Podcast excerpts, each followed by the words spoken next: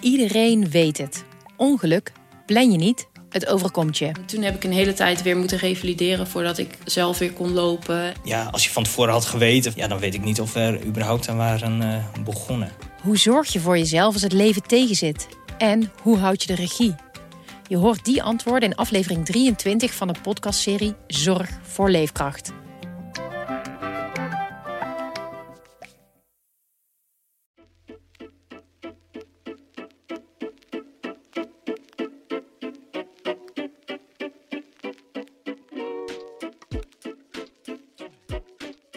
Hallo, welkom bij Haars Half Uurtje, de politieke podcast van Trouw. Mijn naam is Christophe Smit. In deze laatste aflevering van dit turbulente jaar gaan we wat dieper in op het geheimzinnige formatieproces waar we nu in zitten, waar we geen getuigen van zijn. Uh, en dat doe ik met Hans Gosniga, onze politieke columnist. Hans, van harte welkom. Dankjewel. Uh, het was uh, inderdaad een uh, ongelooflijk raar politiek jaar. Hè, met twee explosieve verkiezingsuitslagen. eerst in maart voor de Provinciale Staten. Vervolgens in november de Tweede Kamerverkiezingen. daartussendoor de toch wel spectaculaire val van het kabinet Rutte 4. heb jij ooit zo'n gek jaar meegemaakt in de politiek? Uh, het zou gek zijn als ik zou zeggen uh, nee. Uh, want ja, er zijn, in de geschiedenis herhalen dingen zich nooit zo precies. Maar mijn eerste gedachten gingen uit naar. Kijkend naar de verkiezingsuitslag, vooral naar het jaar 1977. Dat was na de val van het eerste kabinet Den Uil. En het, de Partij van de Arbeid onder Den Uil won in dat jaar 10 zetels. kwam op 53 zetels, wat een record was toen voor de Sociaaldemocraten. Uh, er zat veel politieke energie op links. En uh, als ik dan de vergelijking even mag doortrekken naar nu. Uh, nu zie je dat de politieke energie heel sterk op de rechterflank van het politieke krachtveld zit. Eén partij die er een grote overwinning heeft geboekt van 20 zetels. PVV. de PVV, veruit de grootste partij ook. Dus daar zit wel een parallel met die tijd. je ziet nu die politieke energie op rechts. En dat vertaalt zich ook eigenlijk al meteen aan het begin van de formatie.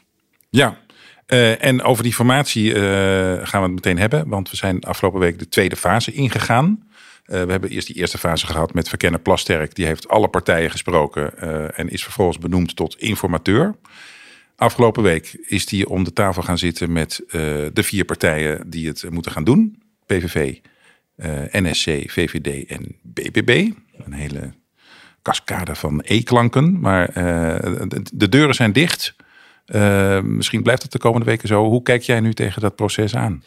Nou als je de parallel even doortrekt. Uh, je zag dus bij, bij links toen ook een uh, geweldige overmoedigheid door die overwinning. En dat had tot gevolg dat Den Uyl onmiddellijk aan, aantrad als formateur. Wat eigenlijk heel ongebruikelijk was in de Nederlandse politiek. In de periode daarvoor was er altijd een informateur die ging verkennen. Wat kan wel, wat kan niet.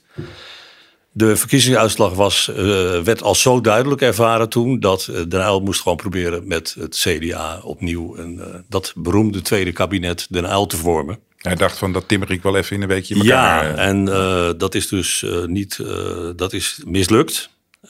wat je nu ziet is natuurlijk weer net weer even wat anders. Het is niet zo dat Wilders formateur is geworden, maar wat je wel zag.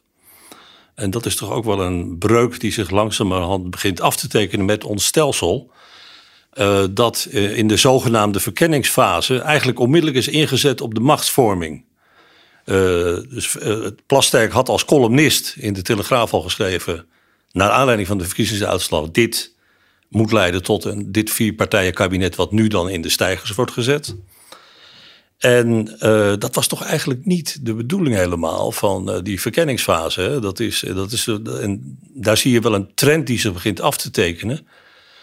Uh, dat zo'n verkenner wordt aanvankelijk geacht zeg maar, het, het, krachtveld opnieuw in kaart te brengen. Van hoe ziet dat eruit? Maar nu zie je, net als in 2021, na de val van Rutte 3, dat onmiddellijk wordt ingezet op de machtsvorming. Rutte stelde toen, schoof toen naar voren uh, twee mensen uit zijn eigen stal, zullen maar even zeggen.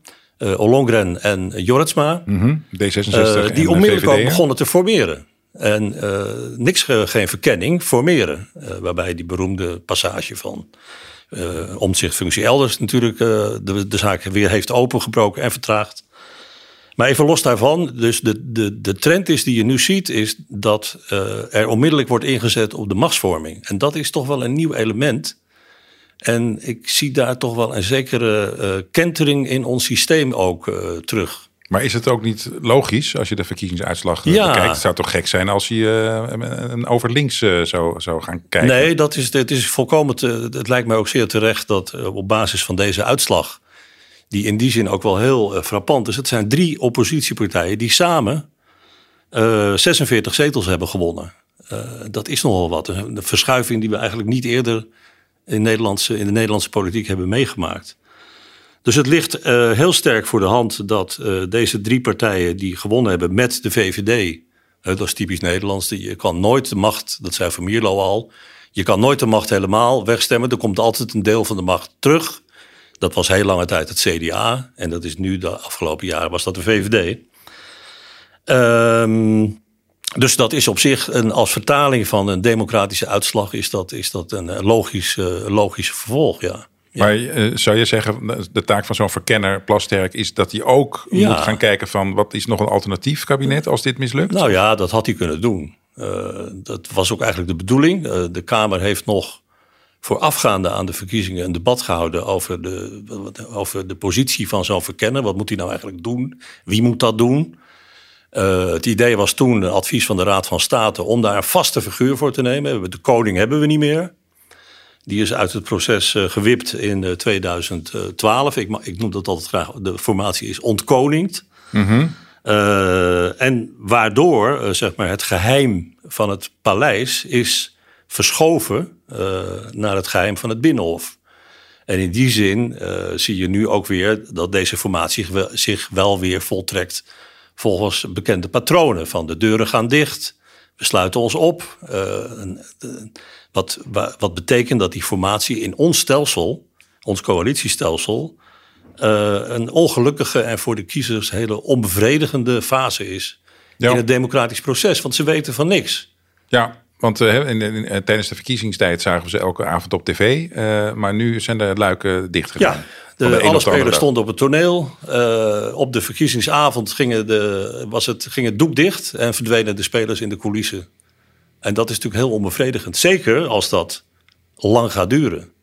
Ja, en, uh, maar als je kijkt naar de hoofdrolspelers, hè, Wilders natuurlijk een heel nieuwe rol, uh, ja. Omtzigt nieuw, uh, Van der Plas nieuw, Jessel Gus, haar partij weliswaar oud, maar zij zelf ook nieuw. Maar toch zitten zij vast in die oude structuur van, van die formatie.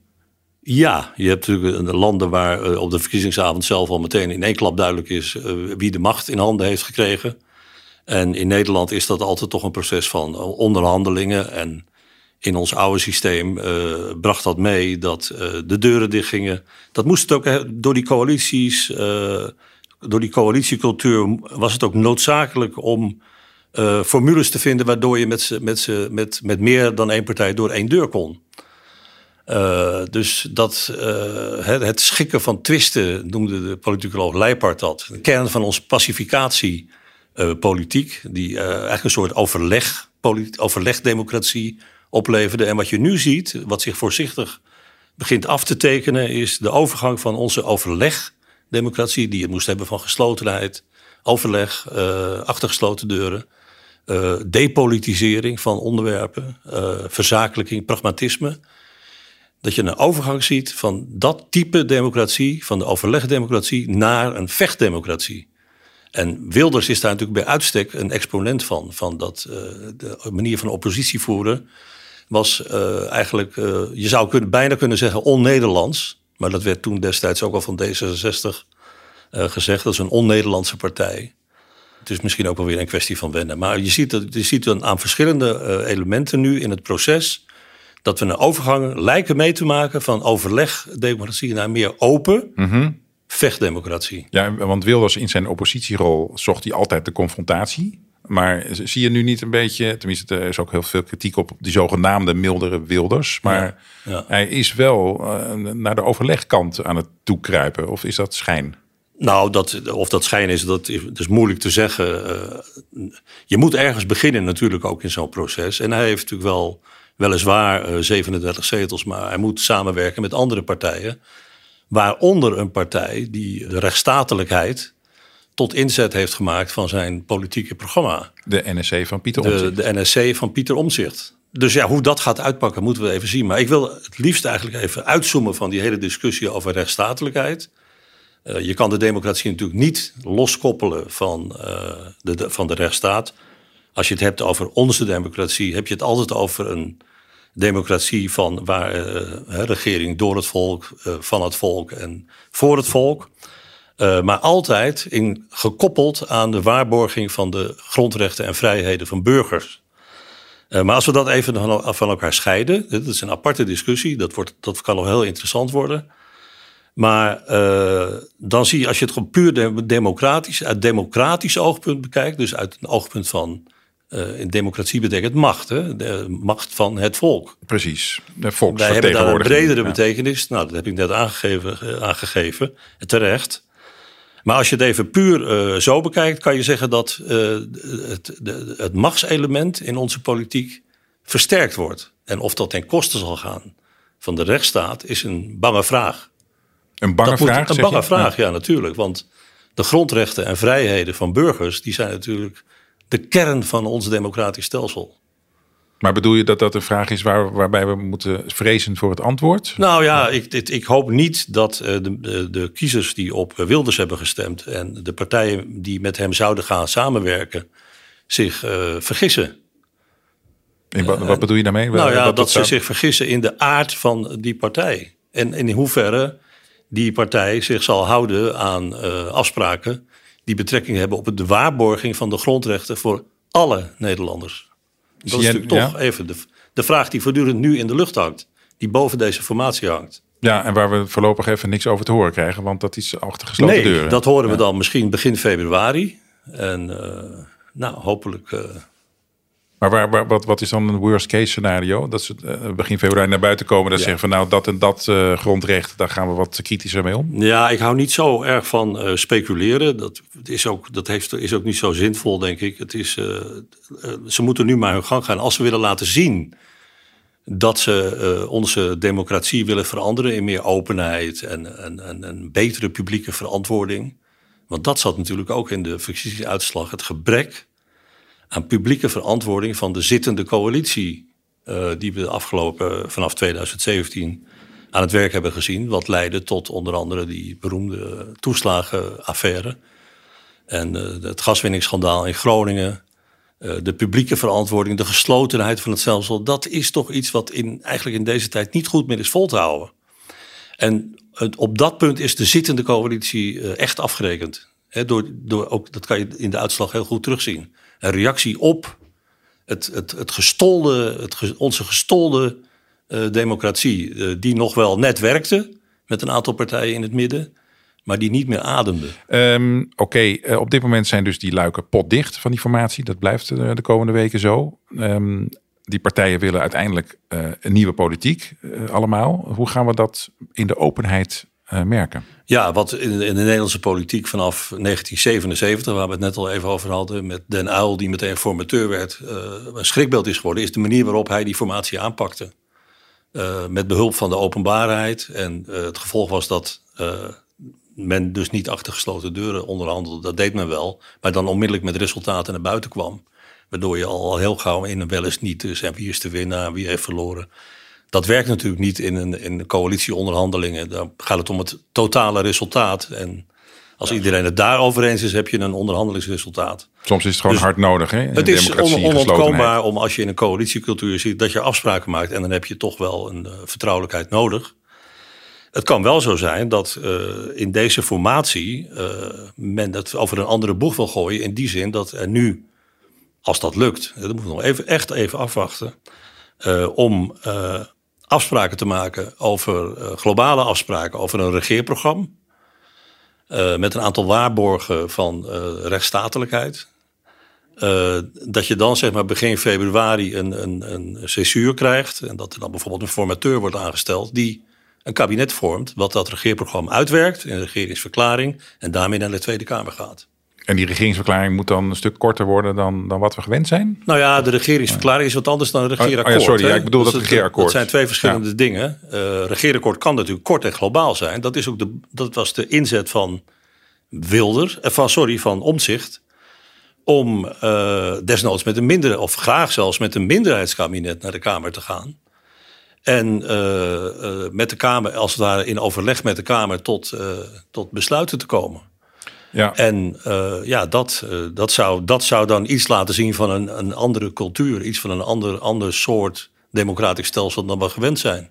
Zie jij trouwens, je noemde een minderheidskabinet. Ehm, is dat een reële optie? Want volgens mij heeft zowel het VVD als NSC van Omzicht op een bepaald moment gezegd van nou, laat ons er maar even buiten. Wij zullen gedogen. Uh, en dan mag de PVV met de BBB, die, die zijn in ieder geval waarschijnlijk zeker, uh, die mogen dan de regering gaan vormen. Zie je dat gebeuren? Eigenlijk niet, want uh, de, als je met z'n vieren een kabinet wil vormen, dan vraagt dat ook een zeker commitment van alle partijen, het gevoel van verplichting die dat meebrengt. Dus dat zou ook betekenen dat de VVD ministers levert. En je kan niet zeg maar in een, vanuit een leunstoel uh, uh, zo'n regeerprogramma als een soort menukaart zien waar je à la carte je dingetjes uitpikt. Dat, zo werkt dat toch niet als je met elkaar gaat samenwerken. In 2010 is dat wel gebeurd, maar dat was uit verlegenheid van CDA en VVD om politieke samenwerking aan te gaan met een partij die bijvoorbeeld de vrijheid van godsdienst aantastte. Maar goed, nu zie je Omtzigt die in het verleden uh, wel heeft gezegd van nou, de samenwerking met de PVV, dat uh, staat niet bovenaan mijn lijstje. Is er geen kans dat die toch afhaakt en zegt van nou, we gaan even zien vanuit de Tweede Kamer uh, hoe dat rechtse kabinet het gaat doen per onderwerp? Dat zie ik toch eerlijk gezegd niet gebeuren. Want als je met z'n vieren wil gaan regeren, dan moet je ook laten zien, ook aan, aan, aan de kiezers, van wij, gaan, wij staan er ook voor en we gaan ervoor kan niet uh, zeg maar aan de zijlijn dan blijven staan en afwachtende houding aannemen. Dat zou ook te tegenover de oppositie een zwakke beurt zijn natuurlijk. Oké, dus wat jou betreft krijgen we gewoon een heel breed vier partijen Nou, kabinet. niet wat mij betreft, maar dat zou de uitkomst kunnen zijn. Jij als waarnemer denkt nou ja, dat dat als gaat waarnemer, gebeuren? Ja, ja, ja, nee, oké. ja. Um, Pieter Omzicht, ik heb nog even wat uh, van jouw columns teruggelezen van oktober, november van voor de verkiezingen. Uh, je was toen behoorlijk positief over hem en over zijn drang om toch voor democratische vernieuwing te zorgen. Je, je hebt hem vergeleken met Thorbecke. Op een gegeven moment noemde je hem zelfs de, de Hans van Mierlo van deze tijd. Um, uh, hoe denk je daar nu over? Is dat onveranderd, die positieve blik? Uh, nee, maar de verkiezingsuitslag is toch wel zodanig anders dan we op dat moment verwachten. Dat uh, de situatie toch wat anders is. En uh, omzicht in ieder geval nog wel een cruciale rol kan spelen. Maar niet een, een beslissende rol en niet een, een, een, voortrekkersrol in die, in die kabinetsvorming. Die rol is door Wilders veroverd. Um, wat je wat wel interessant is om te zien, is dat we, spreken in Nederland vaak van uh, een aantal democratieën. Type, hebben de, de, eerste democratie onder de Bataafse Republiek. Dat was eigenlijk voor het eerst dat een democratisch bewustzijn in het volk doordrong. Uh, die Bataafse Republiek is gevolgd door een monarchie, waardoor Nederland eigenlijk heel gek van een republiek een monarchie werd. In plaats van wat normaal in de geschiedenis is, andersom. Dat je van een koninkrijk een republiek wordt. Uh, dan de beroemde tweede democratie van, uh, van 1917. De grote pacificatie van Kort van der Linden, die de schoolstrijd beslechtte. En het algemeen kiesrecht invoerde. En daarmee de grondslag legde voor ons stelsel. Zoals we dat tot op de dag van vandaag kennen. Het coalitiestelsel. Eigenlijk een soort georganiseerde verscheidenheid. En dat heeft al die kenmerken meegebracht van geslotenheid en, en et cetera, die ik net, waar we het net over hadden. En je ziet eigenlijk dat dat stelsel, wat ook rustte op drie grote stromingen, liberalisme, christendemocratie en sociaaldemocratie, eigenlijk op zijn laatste benen liep onder Rutte. Uh, Rutte heeft de boel nog net, en dat, uh, uit het oogpunt van vakmanschap was dat natuurlijk fenomenaal, die boel nog weet, bij elkaar weten te houden. Maar je zag ook tegelijkertijd dat, uh, dat, op dat het, de, de, de, de, de adem eigenlijk uh, aan het systeem werd ontnomen.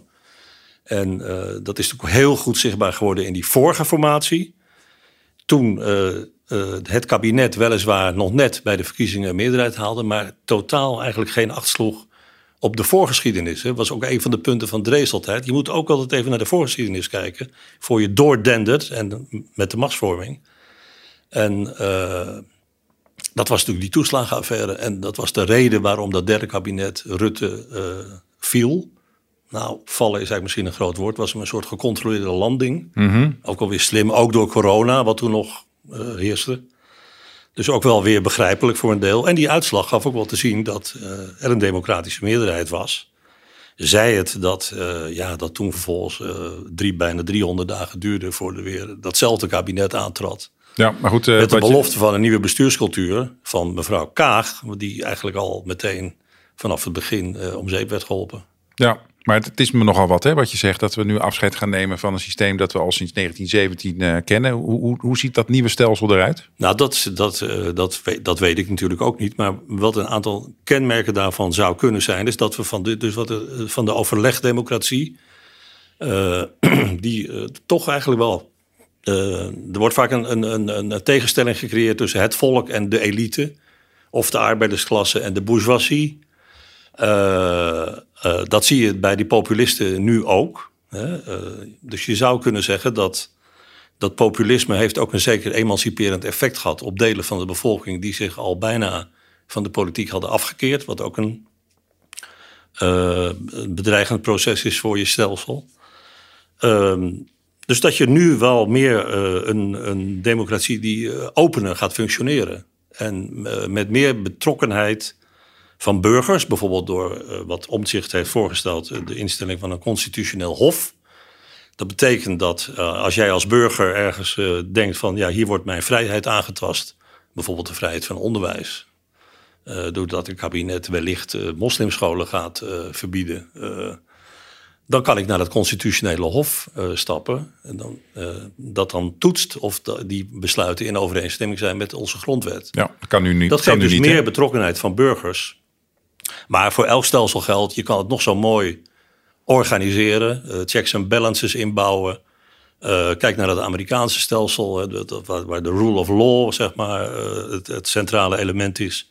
Maar ook de grote macht van een president. En als die macht misbruikt wordt, zoals we daar gezien hebben eh, onder Trump, dan gaat zo'n stelsel eh, wankelt ook. Ja, Dus dat- maar je noemde als voordeel voor de burger inderdaad dat hij misschien naar zo'n constitutioneel hof kan stappen. Maar Ja. je, je hebt eerder ook het woord vechtdemocratie, geloof ik, genoemd. Nou ja, Eh, dat klinkt wat confronterender. meer een afwisseling krijgt tussen de afwisseling in ons vorige stelsel, dat over, die overlegdemocratie, zat er eigenlijk in dat je een afwisseling van centrum links, CDA, Partij van de Arbeid, en centrum rechts, CDA, VVD. Daar zat een soort, ook een soort evenwicht in, hè, dat eh, wat de, de ene ploeg dan te veel deed, dat, dat kwam dan, dan deed de ander weer wat af. Dus je had een redelijk evenwichtig systeem, wat ook steunde op een, op een heel goed georganiseerd middenveld. Dat zie je nu ook al een beetje afbrokkelen. Eh, dus het wordt een meer directe democratie. Eh, met bijvoorbeeld een districtenstelsel, eh, waardoor je een één op één eh, band krijgt tussen kiezer en de gekozenen. Dat er meer mensen in de Kamer komen uit, uit de provincies. Ja, Dat is het idee. Dus je, Ja. je kan zeggen dat die, de, de macht van de, de volksheerschappij, hè, zoals het woord democratie eigenlijk zegt, dat die meer gestalte krijgt in Nederland. Ik zeg niet, ik heb het even niet over de gevolgen die dat zou kunnen hebben voor de rechtsstaat. Dat laat ik even, nu even buiten beschouwing. Zonder het uit het oog te verliezen trouwens. Eh, maar dat bijvoorbeeld door referenda en eh, directe verkiezing van volksvertegenwoordigers, misschien ook wel straks de directe verkiezing van burgemeesters, er toch een meer directere band ontstaat tussen eh, volk en regering dan we tot nu toe in ons systeem kenden. Dat was toch een systeem van het de boel willen beheersen. En dit wordt meer een systeem van, van, van, van vechten. Hè. Je zou misschien kunnen denken dat dit ook leidt tot een tweedeling in de Nederlandse politiek. Dat is natuurlijk ook weer iets heel nieuws. Maar je Tussen? ziet dat die drie volkspartijen zijn eigenlijk allemaal alle drie weggezakt. Dus we zijn al eigenlijk op weg, politiek gesproken, naar een ander soort democratie. En misschien zou je dat de derde democratie kunnen Ja. noemen. Maar als ik jou zo hoor, ben je daar redelijk positief over. Hoe Nou, in, zien.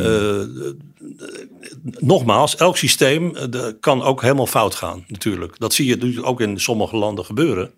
Als de democratie, letterlijk genomen, de volksheerschappij, dus vaak vertaald door populisten als de helft plus één, de overhand krijgt eh, en dat een absolute betekenis geeft, dan gaat, en wat dat met als gevolg dat de rechtsstaat wordt uitgehold, dus de rechten en vrijheden van burgers worden uitgehold, dan gaat het natuurlijk de verkeerde kant op. En daar hebben we toch ook in Europa. Nou, het mooie voorbeeld is natuurlijk altijd. Het mooie, het pijnlijke voorbeeld is Orbán in Hongarije. Polen. Maar in Polen zie je toch ook weer dat er een reactie komt. Dus het hoeft niet uh, per se slecht te gaan, slechter. Zoals het nu ging, ging het ook niet goed meer. Oké Hans, uh, we gaan een beetje uh, naar de afsluiting uh, toe. terugblikkend op het afgelopen jaar, maar ook een beetje vooruitkijkend. Wat, wat ga jij zien gebeuren met die formatie? Wat zijn de grote lijnen die jij zich ziet aftekenen? Nou ja, je ziet dus twee partijen die de grootste winst hebben geboekt. De PVV van Wilders en de Partij van Omzicht. Allebei 20 zetels gewonnen. die gaan nu proberen samen een kabinet te vormen. de BBB zit daar natuurlijk ook nog bij, de VVD. Wat interessant is, dat zeg maar zo'n partij als de PVV het, het zwaarste accent legde op de democratie in de meest enge betekenis van het woord. Dus de volksmacht, volksheerschappij. Dus dat kan de helft plus één zijn. Terwijl uh, Omtzigt uh, meer het accent legt in zijn programma op de rechtsstaat. En uh, waarbij het niet vanzelfsprekend is dat de, de, vijf, de helft plus één ook per definitie gelijk heeft. En wat dat je ook oog hebt voor wat betekent dat voor minderheden in ons land. Hè? Wat toch altijd een kenmerk is van de democratische rechtsstaat zoals we die kennen. Dat wordt een interessante krachtmeting. En dat, uh, dat gaan we dus straks uh, kijken wat de eerste verkenning van dat uh, van die strijd uh, op, uh, zo rond het eind van januari laat zien. Ja. Dat is heel interessant. Dat zijn eigenlijk twee contrasten die tegen elkaar botsen, zou je bijna zeggen. Eigenlijk zijn het ja. twee contrasten, ja. Het, is een, het wordt een krachtmeting tussen wat, wat is bepalend in, een, in, in de toekomst voor, laten we het dan maar even zeggen, de derde democratie. Ik vind het een mooi einde. Hans, dankjewel voor jouw uitleg en jouw analyse. Uh, en dit was Haags half uurtje voor deze week en ook de laatste aflevering van het jaar dus. Um, deze podcast is gemaakt door Hanna van der Wurf, Michael Royal en George Paul Henneberken. Uh, we gaan er dus even tussenuit voor het kerstreces en zijn ergens half januari uh, weer terug. en iedereen die luistert wens ik natuurlijk heel fijne vers, kerstdagen en een goed 2024. Tot volgend jaar.